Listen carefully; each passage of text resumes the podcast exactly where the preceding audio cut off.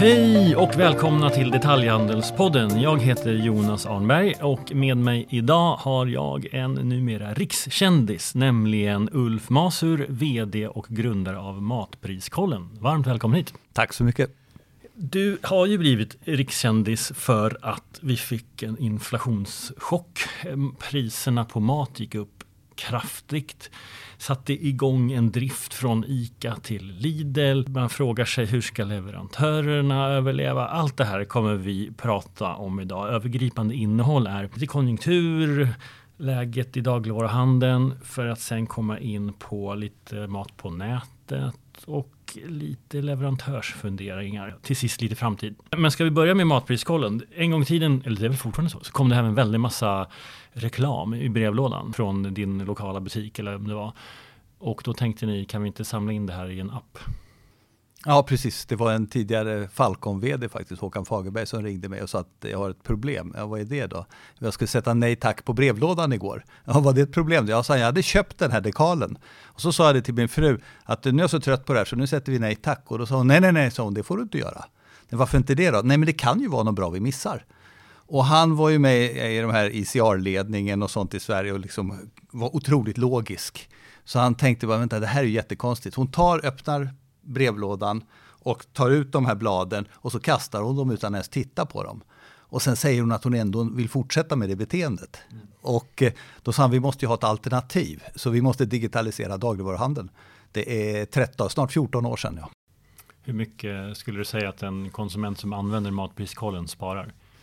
Det är många som skriver, alltså det var en tusenlapp i månaden kan du lätt spara. Men det var som en, en som satt till mig på planet upp till Stockholm en gång, så sa han, jag, jag måste erkänna en sak Ulf. Ja, det? Nej, jag använde faktiskt appen i helgen. Jaha, så det är helt okej okay, liksom. Jag, det är inga password, inga, jag har ingen aning om vem som använder det, men det är ju kul att höra det.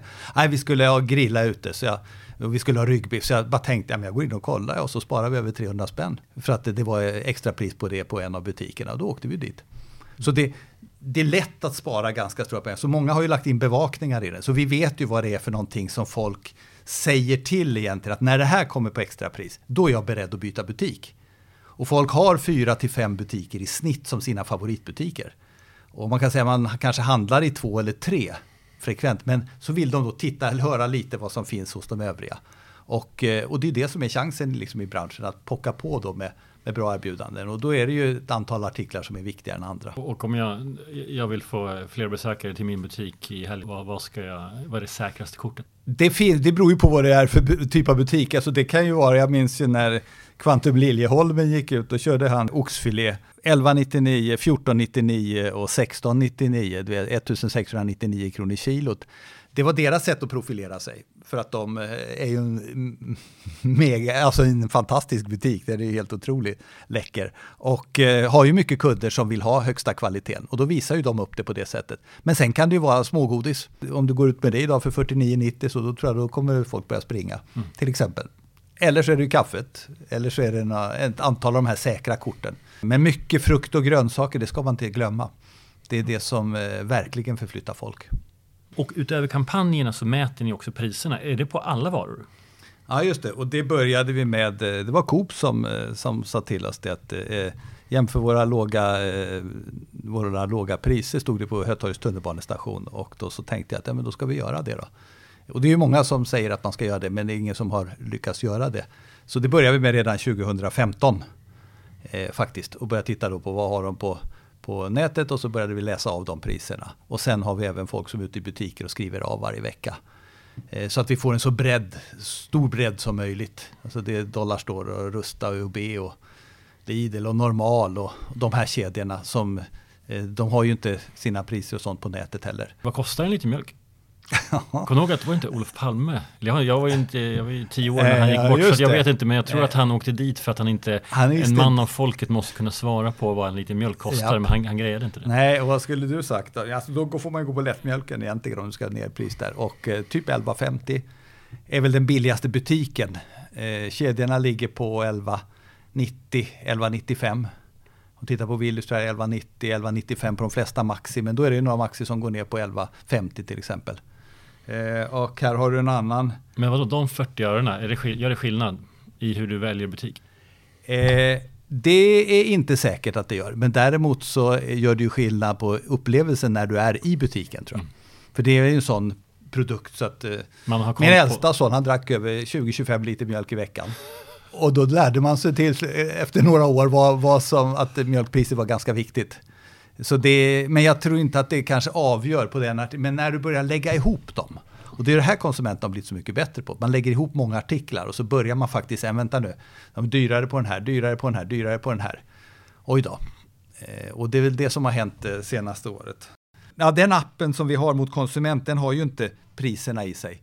Däremot så har vi tagit fram nu, så vad sa du, en liter mjölk? Jag ska kolla. Så ni som är, jag hör, eller ni, ni ser ju inte, men, men, vi har ett paket mjölk i studion och eh, Ulf har precis skannat det med sin nya app.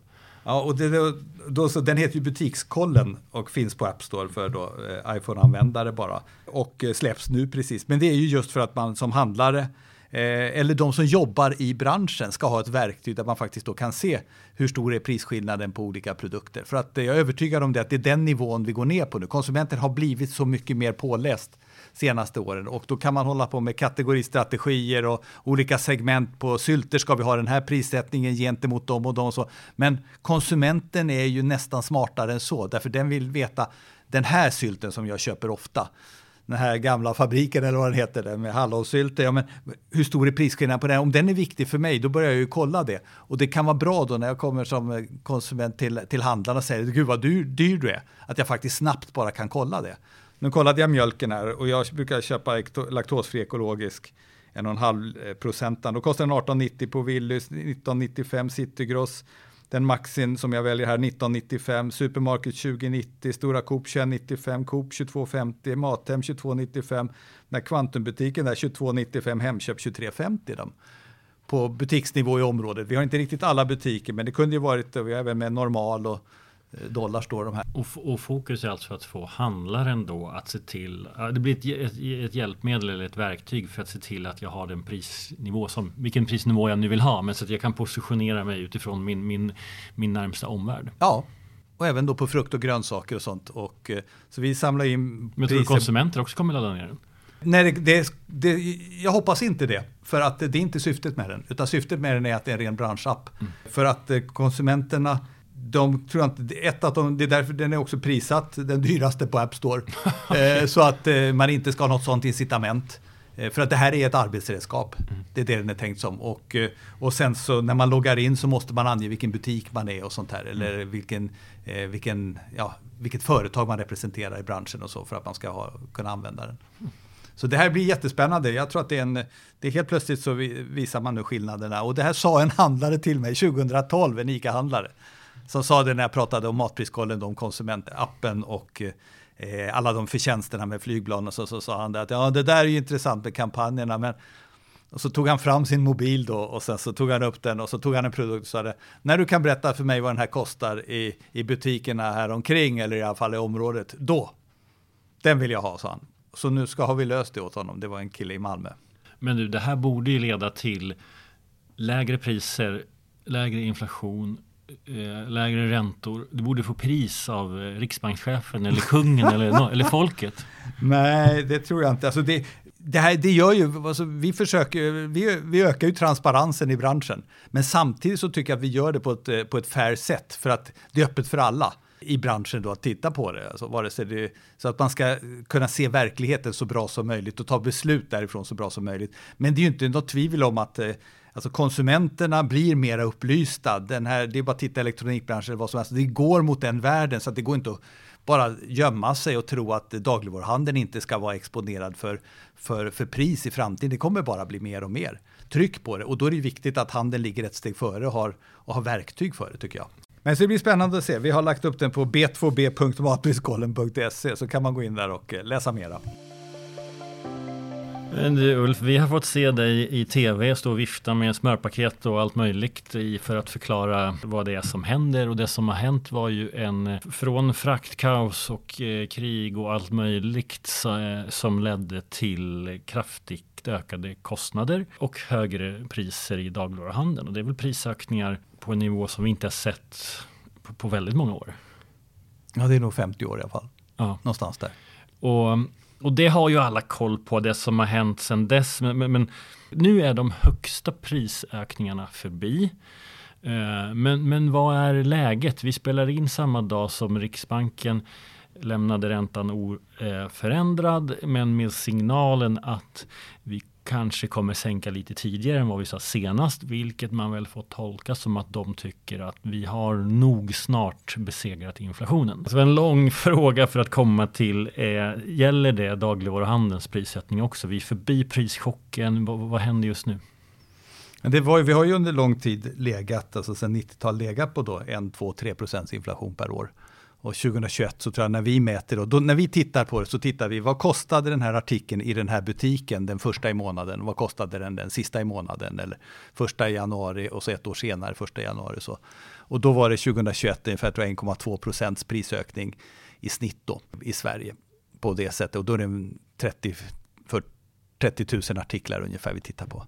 Sen så då började det öka i slutet på eh, 2021, men framförallt från januari 2022. Så eh, 2022 blev det ju chockartat och så kom kriget och, och det, ja, det som alla känner till. Och då steg det väl med 16 procent ungefär. Och sen så nu förra året så, då hela den ökningen som var, den var ju egentligen januari, februari, mars. Och sen kom det ju en tvärnit när eh, eh, Svantesson kallade till sig de tre och Lidl körde sitt race och det blev helt plötsligt väldigt fokus på att eh, nu får inte priserna öka utan då sjönk de lite i, i april och sen har det då legat och guppat mer eller mindre runt nollstrecket eh, kanske 0,2-0,3 som mest. Eh, så att förra året så blev det ungefär 5% ökning. Så totalt sett nu så är det väl då, man, det skiljer så mycket mellan olika kategorier, men säg att det är 22-22 procent dyrare på, på maten. Och då tänker man ju så, när det varit så lågt och så stilla nu sedan i april månad, så då, då är ju inflationen besegrad i dagligvaruhandeln. Och det är det jag tror faktiskt att många tror, för att när man tittar på det då så vet man ju det att men när priserna ökade så snabbt, så blev, alltså för, för bönderna och gödslet blev dyrare och, och alla transporter och diesel och allting sånt gick upp i pris. Då köpte man ju det, att nu har priserna blivit så mycket dyrare för de som producerar det så då får vi betala mer. Och det är ju någonstans så, trots att det gruffades mycket så har man ju förstått den logiken i det. Men nu då när, när eh, insatsvarorna blir mycket bill, eller har blivit mycket billigare, ökningstakten har ju helt eh, stannat av på mycket och till och med blivit då billigare än de här topparna. Då förväntar man sig nog en prissänkning och sånt. Det var lite det vi såg under 2023. Inte på, på några köttdelar men sen också mycket på mejeri. Det tror man väl då kanske skulle fortsätta, men jag har varit skeptisk hela tiden till det. Jag tror att det är svårt att sänka priser och eh, därför nu då så, och det, jag tror att det är Riksbanken som du säger det och alla andra, de förväntar sig nog att eh, den här branschen ska inte, den ska vara nere där på de här 2 procenten nu. Och tittar vi tillbaka nu så, så är det ungefär den nivån det är på, som var 2023. Och de signaler du har fått nu, eller de, de signaler, du kan ju mäta, vad, vad har du på januari? Nej, januari, ja, jag har bara precis tittat på det, alltså för, precis innan vi började här. Och eh, jag blir jätterädd. För att eh, nu i januari så är ökningen då 0,5 procent på vårt sätt att mäta. Då. Vad kostade de idag och vad kostade de för en månad sedan då? 45 000 artiklar. Och då, då ändå jämfört med januari 2023 som du sa hade ökningar. Nej, nu tittar jag bara isolerat den här månaden. Precis, från en månad tillbaka så har det stigit, har all, alla de här artiklarna i snitt stigit en halv procent. Ja. Och då är det mycket kan man säga som inte är rört, men det är 20 procent av artiklarna ungefär som är höjda. Och det man då ser är ju att nej, Willys nu då, de har höjt 1,2 procent på hela sortimentet. Och det är lika stor ökning som det var då om 2021 på helår. Och det får inte vara många sådana månader för att det här inflationsmålet ska vara spräckt. Nej men vad, vad betyder det? Vad, om du tar, vad, med din kunskap, vad betyder det för, vad gör det för prognos för 2024? Nej, det, jag vill inte lämna en sån direkt, men däremot så är det så att Willys om Willys höjer, då, Willys har så snabbt system så att där, när det blir prisförhandlingar och sånt så är ju de, och de har gått igenom systemet, ja, då är de snabba på att höja. Så att eh, som det har sett ut hittills i alla fall normalt sett så då kommer ju de andra efter. Fast det tar längre tid att få igenom det så att alla ICA-handlare har höjt. Men det vore ju konstigt om Willys höjde priserna mycket mer än alla andra. Så att här tror jag det är en ren sån här eftersläpningseffekt. Så det här kommer vi se nu under februari, att de andra också höjer. Så då kommer vi på de produktgrupperna nu som Willys har höjt så kommer väl då hela branschen vara uppe på 1,2 procent efter februari månad. Och ska vi vara max på 2 procent på helåret, ja då måste det börja bromsa och jag är nog mycket tveksam till det. Jag tror snarare att vi pratar om kanske 4 procent i alla fall. Det låter som att Riksbanken får fortsätta med sina härliga mått där man väljer bort olika saker. Vi, vi, vi håller inflationsmåttet om, vi tar bort eh, gurka, räntor, el. precis, precis. Nej men de följer det här också. De, de använder ju verktygen ja. och tittar ju på hur det, vad som händer i dagligvaruhandeln. Men du, det blir intressant att följa. Och, eh, men vi kan i alla fall vara överens om att vi är förbi de här, liksom, de här galna prishöjningarna. Ja, men alltså läsk, då läsksorterna gick upp nu eh, nästan 10 procent från den största tillverkaren. Otroligt. Och det är ju inte lite. Man kan tycka, ja men det är bara några kronor per flaska. Ja, men det är ju sånt som vi aldrig varit med om tidigare. Utan förr så, förr så höjde man då kanske en procent eller två procent och så. Men, men, eh, skulle du säga att de här är motiverade, de här prisökningarna utifrån, men som vi pratade innan så fanns det en anledning till prischocken i ökade kostnader. Är det mm. samma faktor som ligger bakom nu eller varför går det upp? Nej, jag tror att en del av det är det sånt som att när det här stoppet kom förra året så var det fortfarande väldigt många eh, producenter som, eh, som ha, har stora fördyringar i sin produktionsapparat som man inte hade fått täckning för. Mm. Utan eh, det ligger, det ligger latent och hela tiden trycker på att producenterna behöver få upp intjäningen. För det är, de, det är många av dem som verkligen tappade intjäning här under 22-23. Mm. Så det är väl det som det ligger och, och pockar på här. Och det är klart att då är det förhandlingsstyrka och, och sen så samma sak så syns det nog på, på private label som också kommer och som ökar i pris då, i vissa produktgrupper. Det är inte så stor skillnad. Men, men låt oss komma in på det. Alltså för, för konsekvenserna av de, den här prischocken och det som har hänt sista åren i dagligvaruhandeln är ju att lågprisaktörerna har fått fler besök. Mm. Och den övergripande bilden är ju att vi har gått från ICA Coop till Lidl Willys. Håller du med om det? Absolut. Och det är ju för att där har, har, det varit lättare att hitta låga priser. Eller är det den enkla förklaringen? Jag tror att den enkla förklaringen är att de har, det är ju deras DNA, det är ju låga priser. Mm. Och det har man kommunicerat i Lidls fall är det ju så länge de har funnits på svenska i 20 år. Och sen så Willys del så är det ju Lars Lundin Livs, LL där och sen så Willy, Willy Schle. Det är ju, liksom, det är ju lågpris i blodet ifrån Göteborg. Alltså det, hela, det, hela konceptet är uppbyggt på det. Och det här har ju satt sig någonstans. Sen har folk inte anammat det. Men nu helt plötsligt då så står de ju där och har, har hela sitt varumärke fyllt med alla de här mervärdena som då ett lågt pris eh, skriker om. Och eh, så de har onekligen fått en ökad marknadsandel och skjuts av det här nya klimatet. Vi vet ju att konjunkturen går upp och ner och den kommer komma upp om något eller ett par år. Tror du att människor kommer gå tillbaka till ICA då eller blir man kvar i, i, i sin nya butik? Det är en bra fråga. Det där är ju, eh, vi hade en sån här eh, seminarium i november och då hade vi en eh, Jonas Colliander från Handelshögskolan där han berättade om det att när det är såna här stora, stora förändringar i livet för folk, när de verkligen har fått det tuffare så om man då gör varumärkesbyten eller butiksbyten och sånt där, då är det stor risk, att, eller stor risk, det är stor eh, chans att man fortsätter med det även alltså när konjunkturen blir bättre. För att då, då är det annat som kommer upp på agendan. Och funkar det bra då handla i min Willys, att det sortimentet finns där. Samma varor kostar mindre, jag kan spara x antal tusen per år. Nej, men då tror jag folk kommer fortsätta göra det. Och, och då undrar man ju, Allivsbutiken, jag vet inte om det är ett namn som fortfarande mm. all, används. Men så här, Kvarter, eller när, den som ligger nära belägen. Ja, och det, det, har ju ändå varit, om man jämför med andra marknader så har det varit det, det, det stora formatet i Sverige. Alltså man handlar nära där man bor. Mm. Och, Eh, och det har Coop och Ica har fantastiska butiksnät. Men, men, de, det utmanas ju såklart den dag man sätter sig i bilen och åker någonstans. Och är liksom Allivsbutikens tid förbi nu skulle du säga? Nej, men jag tror inte det. Utan jag tror att Allivsbutiken har allt berättigande. För att vi är så pass bekväma. Jag upplever ändå det, så har man råd så då handlar man helst i sin nära butik. Alltså, eh, sen så tror jag det som har hänt nu då och som väl då man bör ta med sig det är att det har blivit ett mer prisfokuserat klimat. Så att det kommer inte, du kommer inte få tillräckligt stor volym i din Allivsbutik om du inte också blir tillräckligt bra på priset. Det är ingen som förväntar sig att det ska vara lika billigt som på Willys. Men på de varor så där som jag känner igen som jag ändå direkt bara kunde köpt exakt samma sak på Willys så får det inte skilja för mycket. Och det är när man upplever att det gör det ibland och när det kanske är 30-40 procent dyrare, då tror jag att många hajar till så mycket. Så då kan det här fortsätta, att man faktiskt överger dem lite. Men där, då åker jag med bilen lite för att storhandla någon annanstans.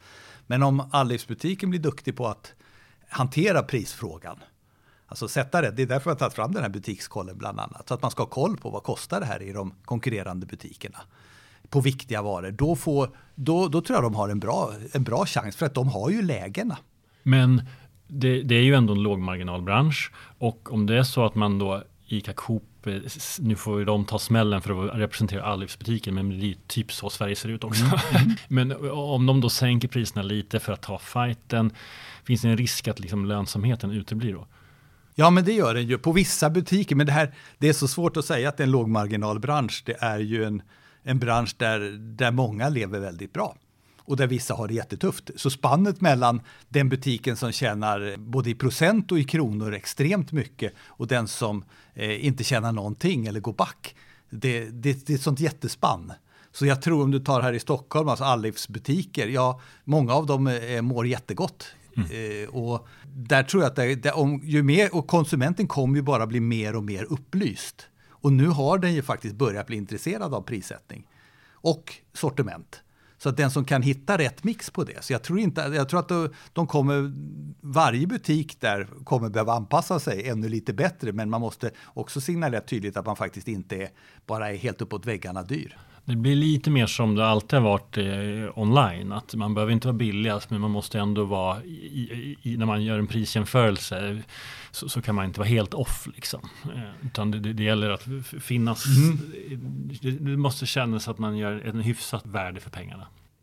Ja, och så måste det vara en bra miljö och trevlig personal. Alltså Allivsbutiken har ju en nivå till. Det är ju en det är ju en träffpunkt. Ja. Och man går dit och det är en del av det sociala livet. Alltså det där kanske två eller tre gånger i veckan. Men det där är ju väldigt intressant. För tänk om det är så att pris betyder ingenting när jag mm. går till min lokala butik. Det är helt värdelöst att de sänker priset. De borde istället ta den pengen att investera i ytterligare en anställd, lite mer inspiration. Köper du det argumentet? Ja, ja jag, köper det. Jag, jag köper det i, i grunden för jag tror att det är så vi tar beslutet av emotionella skäl. Att, eh, känner man sig välkommen och sedd i butiken då, då är det stor chans att jag kommer tillbaka dit. Men blir prisskillnaden för stor mot de här andra butikerna som jag numera faktiskt har börjat kunna gå in i. Vissa går in på Lidl, vissa går in på Willys. Så att du går in i, i alternativa, man blir multilojal som vi har sagt. Och då, genom att man är det, då, då, då exponeras man ju för produkter som man brukar köpa. Och så ser man, men shit, den här kostar ju 20 spänn mera här. Mm. Vad är det för någonting? Jag gick in i min lokala ICA, då tog en trepack Särla 49,95. Och så kollade jag appen, ja men då är det 28,90 eller 27,90 på Willys för samma trepack. Och då börjar man tänka, vänta det här 20 kronor bara på den där varan. Så tittar jag på tacon, men då är det 24,95 på den och den kostar 14,90 på, på Willys. Och helt plötsligt är det två varor 30 kronor. Så börjar man tänka, vänta nu, är det verkligen värt det här? Och det, när det, när det kommer till den här gränsen att jag nästan känner mig lurad.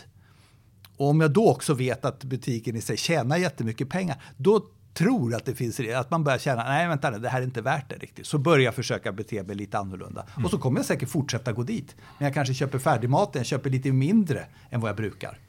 Och det är en volymbransch. Så att, eh, nej, receptet är nog att ha den absolut trevligaste personalen, en ren och fräsch butik med jättebra sortiment. Mm. Men till, till ICA Coops försvar så sitter ju de med ett sortiment som innehåller både pre, väldigt brett, det är, det, det är premium och budget och lågprisvaror.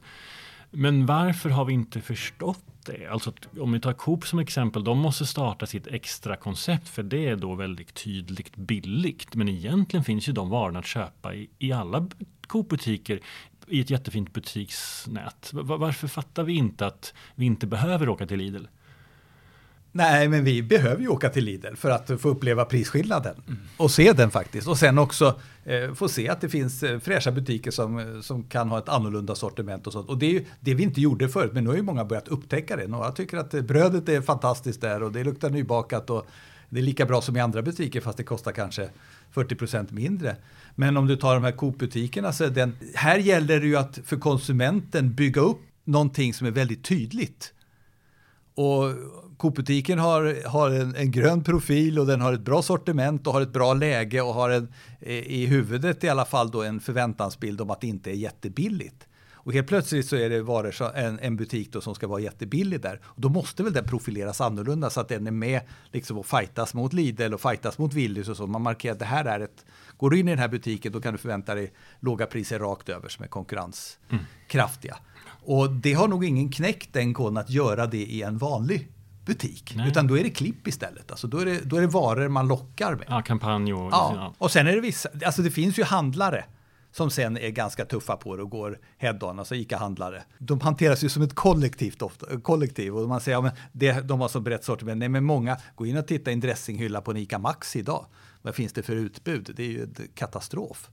Det är så smalt så det, ja, det liknar ingenting längre. Men då har man ju valt den vägen och sen så kanske det är viktigare då att ha ett smalt sortiment och stora volymer och sen så är riktigt prisfighting istället. Och, och det, får, det, det är upp till varje butik och då kan ju de också ibland sätta ner priserna rejält för att markera att men hallå, det här är viktigt för oss vi, och vi tror att det är viktigt för dig som kund och därför har vi de billigaste priserna på de här artiklarna. Vad händer på en marknad när liksom marknadsledaren ICA då i alla fall i vissa fall går hårt in och tar prisfighten. Det, är jobbigt för alla antar jag, eller?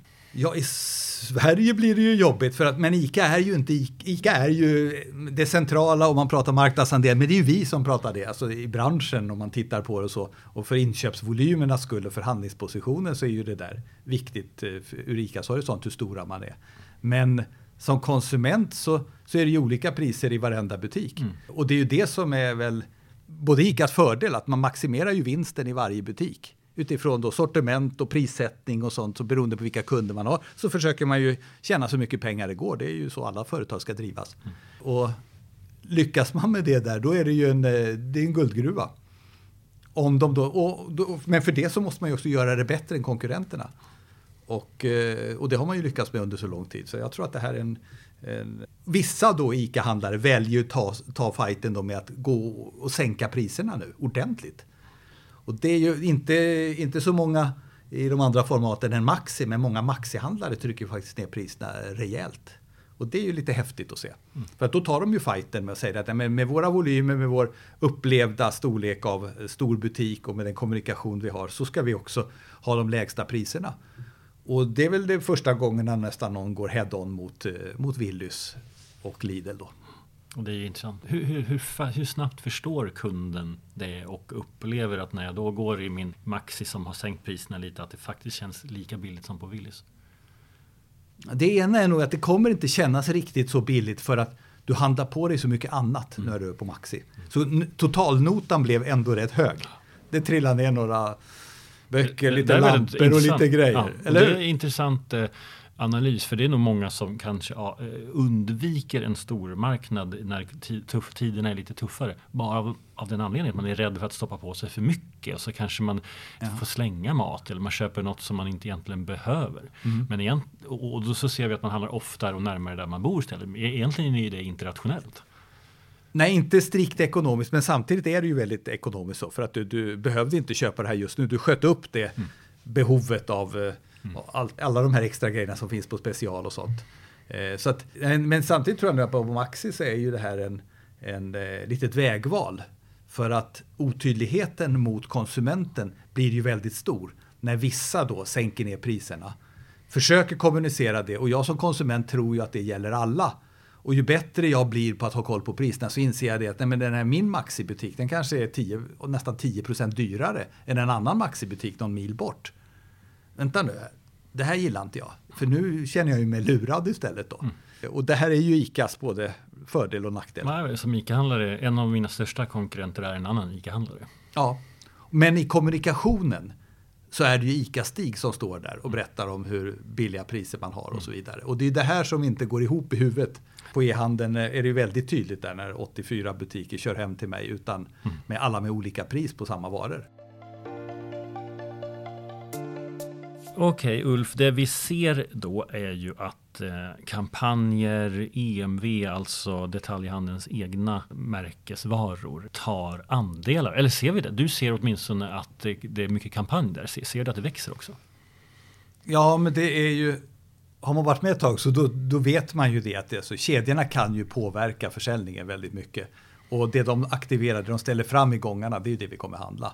Så att ju mer de promotar eh, olika segment eller olika artiklar, desto mer kommer vi köpa av det. Och då, totalt sett så ökar ju kampanj, alltså trycket för EMV.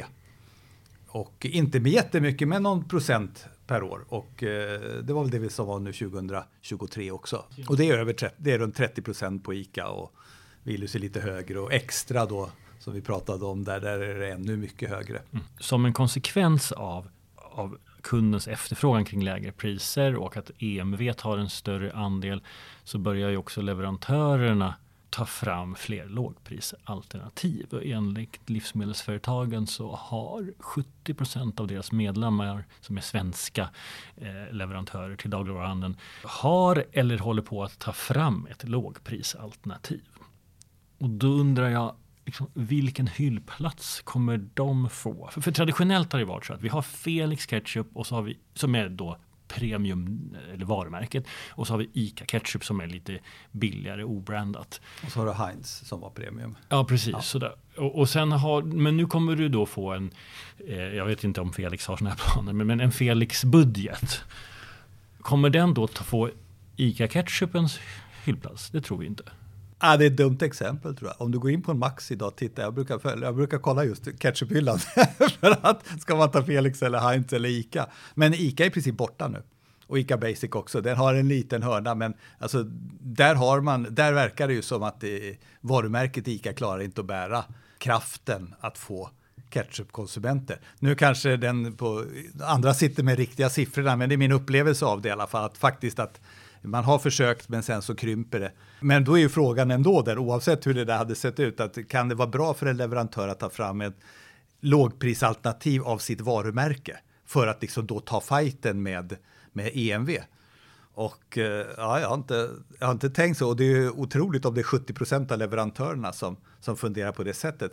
Ja, för man är ju orolig då för att de egentligen bara skjuter sig själva i foten och tar ja. från sin egen hyllplats. Jag minns på, på Carlsberg, Falcon, då, då tog vi ju fram speciella brands som vi gav till handeln. Så vi producerade sådana märken som vi inte, Sailor och andra, som, de fanns där som lokala märken men sen så tog vi fram och sen så gav vi dem möjligheten till exklusivitet på kedjan. Så fanns det med där då och eh, konkurrerade med andra fast då på ett, på ett lägre pris det var ett sätt att eh, mö möta det med. Men om man då skulle tagit fram en lågprisvariant av Carlsberg eller, eller Falcon och så. Det, nej, det, ja, alltså det är ju en, livsfar, en livsfarlig väg att gå för ett, för, ur varumärkesperspektiv tror jag. Mm. För att eh, vad händer i nästa steg ändå?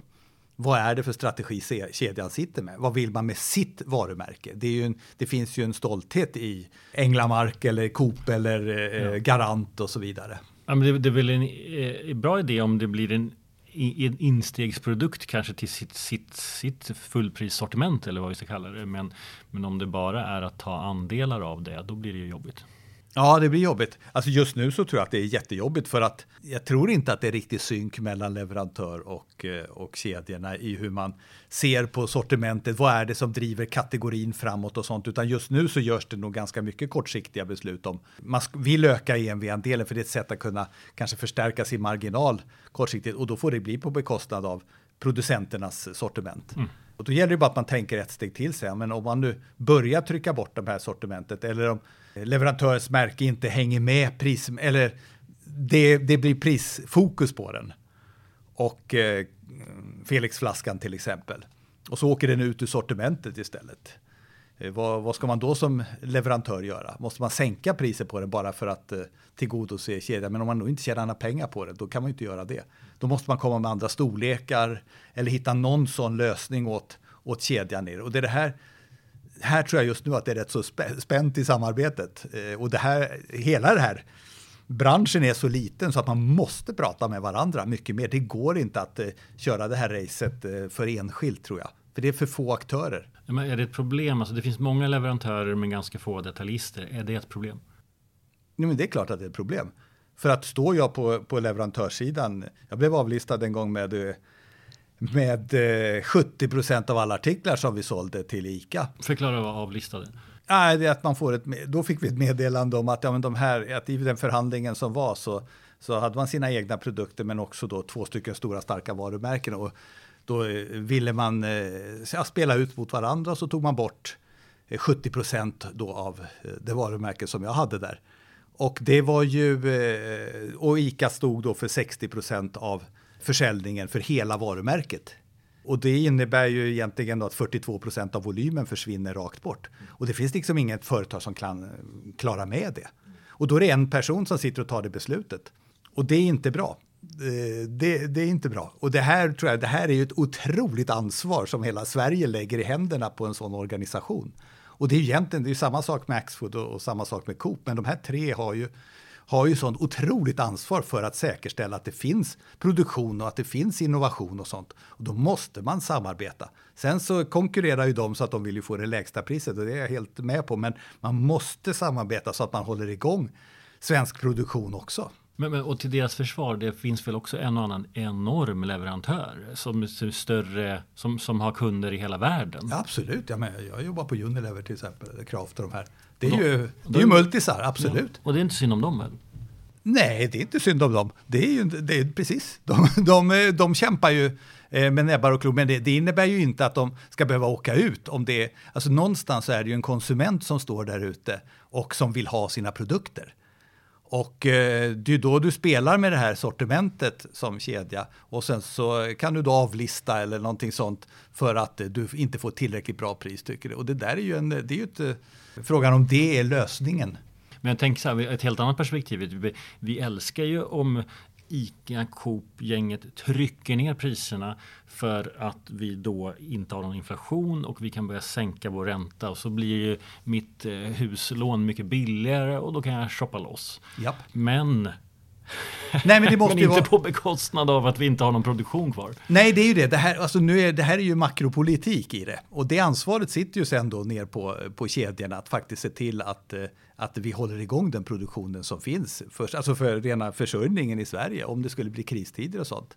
Jag tror att vi har en kvarn kvar. Eller vad heter det, inte en kvar, det har vi väl många, men en pastatillverkare. Och eh, liksom, det är ju inte, det är inte jättemycket den dagen det skulle stängas gränser och se till att vi har en industri som, som fungerar. Särskilt i tider som här, eh, när kriget kommer eh, och eh, liksom beredskapslager och självförsörjning och så vidare. Ja, man säger att Finland har 80 procents självförsörjningsgrad, vi ligger på ungefär 50 procent. Och det är klart, det enda sättet att få upp det, det är ju att mer produktion sker i Sverige. Mm. Så det är ju en sak. Sen så innebär ju inte det att man inte ska importera de mesta produkten och sånt där. Men ändå att man måste tänka på att det ligger ett jättestort ansvar hos de här tre plus Lidl. Utöver prischock och allt som har hänt så, så, har vi också fått vara med om en otrolig uppgång för mat på nätet under pandemin. Vi hade i stort sett en statsminister som sa stanna hemma och handla på nätet. Och en, en jätteboost för online med mat som väl gick från typ 2% e-handelsandel till upp till 6. Ja, precis. Ja, högt i alla fall. För att sen då när pandemin gick över eh, som tur var och vi kom in i en lågkonjunktur så har vi liksom dramatiskt förflyttat oss till att ta bilen dit det är billigt, gör jobbet själv, plocka från liksom eh, Willys, Willys pallar. V vad händer? Är, mat på nätet eh, borta? Nej, jag tror verkligen inte det. Alltså jag är lite anekdot, men jag, 1998 då var jag ju bara en hårsmån från att hoppa av och starta min, min e-handelsbutik. Jag tror stenhårt på det. Men då hade jag kommit fram till det efter ett par års studerande att det är för dyrt att plocka det i butik. Det tog för lång tid. Jag hade då, det var på BOV Arning och sånt där. Det tog det 40 minuter, 45 minuter att plocka ihop ett, ett stort köp. Och det är någon som ska betala för det och det fick ju då butiken eller kedjan stå för där och det, bara där gör ju det att de marginalerna finns inte riktigt. Och, och sen så är det ju det här att köra ut det som också är fruktansvärt dyrt. Den här sista, last mile, att plocka ihop det och köra hem det. Och det fick jag heller aldrig ihop riktigt, utan då var min plan då, det var att göra hubbar på alla bensinstationer med tre skåp och sen kunde jag stanna förbi när jag åkte från jobbet och hämta upp det där. Då gjorde jag tillräckligt eh, lite, men det var ändå jag sparade mycket tid. Sen så var det tur att jag inte då hoppade av och startade det där för att internet, eh, då 1997 så var det hälften av alla 15-åringar använde internet regelbundet. Idag, i, idag så är det ju då hälften av alla, eh, tror jag, 8 och 9 månaders någonstans kanske det är, 10 månaders på den nivån är det. Man sätter en iPad i händerna på så fort man kan sitta upp ungefär. Ja, och, men då alla dagligvaruhandlare satsar ju faktiskt online då och det gjorde väl och så funkade det inte. Nej, det så, kom i början på 2000-talet ja, så börjar man ju med det och, och det funkar inte riktigt. Alltså tekniken var ju inte med och sen konjunkturen kanske inte heller riktigt var med. Men sen 2010-talet så har det ju varit, eh, alltså, vi, vi har ju haft pengarna och vi söker bekvämlighet. Och eh, det, jag tycker det är helt fantastiskt att handla på nätet eh, på det sättet. Och det, därför så tror jag att det, det kommer fortsätta, för den bekvämlighetstrenden den har ju inte avtagit. Det är bara det att den har gjort lite paus, att man, man kohandlar lite med andra saker nu. Och jag hoppas att eh, den tar fart igen, men det var som den senaste undersökningen, att det är ju ändå, tittar vi före pandemin mot nu, så är det väl nästan dubbel försäljning via, via nätet. Ja, och det, det får man verkligen Och då inte glömma. tycker vi att det har gått ner så mycket. Nej, men det har det inte riktigt. Och de, de som har fastnat för det, de, de, förstår ju, de förstår mervärdena man får. Och det har också, tittar man bara på omsättningen online så elektronik och kläder är fortfarande större. Men det är ju bara en tidsfråga innan maten är den största branschen online i, i i, i pengar. Just det. Men det är som Mathem också, ja. Precis. Det är, ju, det är ju en sån stor bransch, alltså den omsätter ju så mycket så vilken, vilken aktör som än börjar och får lite volym så blir det ju många kronor. Ja. Och när man jämför det med andra, men i branschen så är det ju fortfarande bara en Maxi-butik kan omsätta en miljard själv. Ja. Men du, och, och du var inne på det här med lager och den smartaste sättet att plocka på. Vi har ju å ena sidan ICA Ocado-lagret i Brunna som är helt nytt, modernt. Där kommer ju plocket gå väldigt fort. Och man når ju ändå stora, eller åtminstone i Stockholm når man ju ganska fort. Eh, och sen har man Coop-varianten som är att plocka i de stora, stor, vad heter de, stora Coop, heter ja. alltså deras mm. stormarknader.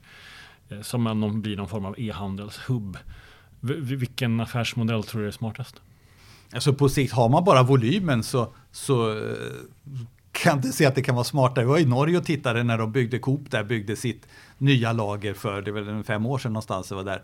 Och då byggde ju det på att, då skulle man, där plockar man 70 procent av allt butiksplocket till butik. Samtidigt så, och då kommer ju leverantörerna, kommer Coca-Cola dit med långtradare, alltså då är det ju enkelt. Samtidigt så har man en del som också då kan plocka kassar till som också då går med samma bil till butiken. Så att om jag har beställt där så är det färdigplockat när det kommer till butiken. Så jag inte behöver hålla på i butiken utan det är alltså centrallagerstyrt. Ungefär då samma teknik tror jag som, som Ocado har. Alltså superavancerade plockdelar som bara är eh, effektivare än så går inte att göra. Så har man bara volymen så måste så kan inte säga att det inte ska vara det smartaste sättet. Då är det ju liksom inga, det är bara en uppackning ifrån lastbilen och sen in på lager och sen så åker det rakt ut i, packat i min kasse det, det, måste vara det billigaste till sist. Men eh, än att ha människor som går runt i butikerna, även om man lägger de mest vanliga varorna eh, liksom närmst och sånt och försöker göra det. Men, eh, och så kan man flytta folk och så. Ja, i korta perspektivet så kan det vara ett bra sätt för att säkerställa att man faktiskt har volym på det. Men en vacker dag så tror jag man måste upp på eh, maskinplock. Så att håll ut ICA. För nu om man åker förbi där motorvägarna så, så är det många lastbilar som står stilla, vilket känns som att ja, det är inte tillräckligt snurr för att det ska vara en, för att affären ska må bra. Nej, just det. Och sen är det då, alltså håll ut ICA, jag håller med dig helt. Jag hoppas verkligen att de håller ut för att det, det gäller ju bara det här tror jag, kommunikationen med. Mm. Alltså den fördelen jag får och hur mycket dyrare är det egentligen. Så visste jag att ICA-butikerna inte var så dyra, jag kunde kanske jämföra bättre, då, då tror jag att de skulle få upp volymen också. Det här har varit väldigt intressant. Om vi, alltså, det har ju hänt så otroligt mycket sista åren får man säga. Från online-chock till eh, prischock eh, till eh, lågprisrace. Men om jag tvingar dig att blicka liksom, fem år framåt. Det som vi har hänt nu, vilka spår ger det? Hur tror du att dagligvaruhandeln ser ut om några år? Ja, det här är, det är ju jättesvårt, men en bit som jag bara går alltid och grubblar på nu, det är det här med hela hållbarhetsagendan. Där ju alla kedjorna och de stora leverantörerna har skrivit på. Vdarna har ju faktiskt signerat papper där om hur ska en hållbar framtid se ut inom, inom dagligvaruhandeln. Hur kan vi bidra med att eh, alltså klimat, eh, klimatavtrycket blir mindre? Och det finns ju exakta tydliga mål på det. Och biologiska mångfalden ska öka. Och då måste man jobba tillsammans. Och den agendan, den måste ju egentligen, den måste komma före marginalerna i branschen egentligen, för annars så har vi inte några marginaler en vacker dag. Och har man nu lovat det här, det finns EU-mål på det och då och, eh, och svenska mål och kedjorna har ju det i sina års och kvartalsrapporter. Så att det här, jag tycker verkligen att det måste upp på agendan. Och jag tror att det kommer komma upp på agendan vare sig man vill det eller ej. Men det, det finns ju där så förhoppningsvis så vill man det ju. Men det måste verkligen bli hårda, hårda tal och hårda tag. Så att man gemensamt eh, prioriterar sånt som faktiskt då är bra för mångfalden och för, för klimatet. Så jag tror att där kommer det, och det, då kommer det hända saker med sortimentet. Ekologiskt måste och svensk och närodlat sånt, det kommer komma, eh, alltså man måste släppa fram sådana produkter bättre. Man måste prissätta dem fördelaktigare och sånt så att konsumenterna väljer det. För gör konsumenten det, ja, men då klarar ju ICA sina miljömål mycket enklare. Och marknadsföringen, det är väl uppenbart att när jag som konsument svarar på en undersökning att vill du vara hållbar och så vidare så säger jag ja men sen agerar jag inte alltid så i butiken. Så det handlar också om marknadsföring, kanske man ska trycka mer på hälsa eller vad, vad det nu kan vara för att hitta argumenten för att driva den här eh, ja. försäljningen. Ja, men argument, alltså jag tror många gånger det inte är så komplicerat. Men alltså, ska, om man nu marknadsför någonting som det finns ekologiska alternativ, men ställ, ha alltid med dem då. Ja. Ställ fram det i gången att, om en, eh, och, och ha inte fler kron, tjäna inte mer kronor på ekologiskt än på andra produkter som är besprutade och där kanske inte odlarna mår jättebra. Det är liksom, där man måste man måste ta det, våga kliva fram och exponera det ordentligt. För att jag tror i grunden folk vill köpa det, men man backar för det nu. Alltså det kan vara lite för dyrt. Men det är framför allt också att det, det lyfts fram mindre. Det är inte så att ekotrenden är nu på grund av priset. Det har ju pågått sedan 2017. Så har det gått rakt ner. Och nu kommer vegetariskt. Jag är livrädd för att man håller på att sopa vegetariskt under mattan också. Hur, hur menar du? Nej, men vi bara ser på kampanjtrycket. Det går rakt. Jag tror det var 30 procent färre kampanjer nu förra året. Och det är klart, det har bara gått uppåt ett antal år nu och det finns ju hur många som helst då startups och andra eh, företag som då jobbar med att eh, skapa all, eh, växtbaserade alternativ. Och de måste ju lyftas fram för att klimatagendan ska funka. Och då är det ju faktiskt butikerna och det kedjorna som måste se till att de här ges utrymme. För det är när jag är där som jag kommer välja. Och, det, det, och de har inte några jättemarknadsbudgetar och sådana saker, men de måste lyftas fram och måste börja prata om det. Och just nu så känner jag att, vänta nu, så säger man att ja, man får vänta på konsumentefterfrågan. Nej, men man kan ju skapa konsumentefterfrågan och man måste göra det. Men tror man gillar att tjäna lite pengar där för att kunna ta prisfighten på andra varor? Eftersom... Ja, jag tror, du, jag tror du sätter huvudet på spiken. Just nu är det så. Men då, då, nu pratar vi om fem år framåt. Man måste börja ta det här klivet direkt och inse att ja, så agerar vi nu och det är nog fel sätt att agera. Vi måste börja premiera det. Men har, du ett, har du ett alternativ som är, är, är växtbaserat och som är mindre, mer klimatsmart, ja, men varför ska man då tjäna mer pengar på det än på en, än då, eh, någonting som är mindre klimatsmart? Därför att då måste, ja, man, man behöver verkligen börja rannsaka sig själv här och agera på det och få upp det här på högsta. Det finns ju på högsta nivån, men det här är, det här är ju faktiskt viktigare än marginalerna. Där hör ni dagligvaruhandlare. Ladda ner Matpriskoll-appen och se till att ni kan ha rätt prisposition på er marknad. Men gör också eh, det ni tar ansvar och gör det ni ska för att driva branschen mot en mer hållbar utveckling. Ja, det tror jag. Och sen framåt där hade du, nu, du, du tog ju upp det själv där med extra och sen så hyllor i butiken där, där man vet att när det finns då pris, alltså prisvärda och det, det var faktiskt en väldigt bra idé, jag har aldrig tänkt på det, men att hur, vanliga då eh, allivsbutiker och allt sånt här, där tror jag att de har en stor utmaning att kunna upplevas som prisvärda. En del kommer nog gå vägen mot norska typ extra där, som är mera som Willys tror många ICA-butiker kommer göra det också, typ Hajen och sånt, alltså de, de koncepten att fler, kanske rationalisera sortimentet, bli tuffare med personalen, inte för mycket lullull runt omkring, smalare öppettider och sånt för att kunna hålla ett billigare pris egentligen. Ja. Det är ju ingen rocket science det där, utan du måste ju ta bort en del saker för att kunna hålla ner priset. Och vårt tips är alltså nu är ju de låga prisprodukterna utsatta bredvid alla andra produkter i butiken. Mm. Men vad sägs om att ha en hel vägg där alla lågprisprodukter är? Då kanske man skulle fatta att ja, just det, finns ju massa billigt på min lokala Coop. Mm. Ja, den är, det är dum den taken kanske. Det är värd att prova. Det är, det är inte så svårt att prova egentligen va? Nej, bara börja flytta. Ja. ja. det här har varit otroligt lärorikt. Massa kloka ord. Ulf Masur, grundare, VD Matpriskollen. Fantastisk tack att du var med i Detaljhandelspodden. Jättekul att få vara här. Och tack alla ni som lyssnar. Lajka oss, följ oss och så vidare. Ulf kommer ni hitta på via LinkedIn, va? kan man göra? Ja, vi är nere i show notesen och eh, vi hörs snart igen. Tack för idag. Tack.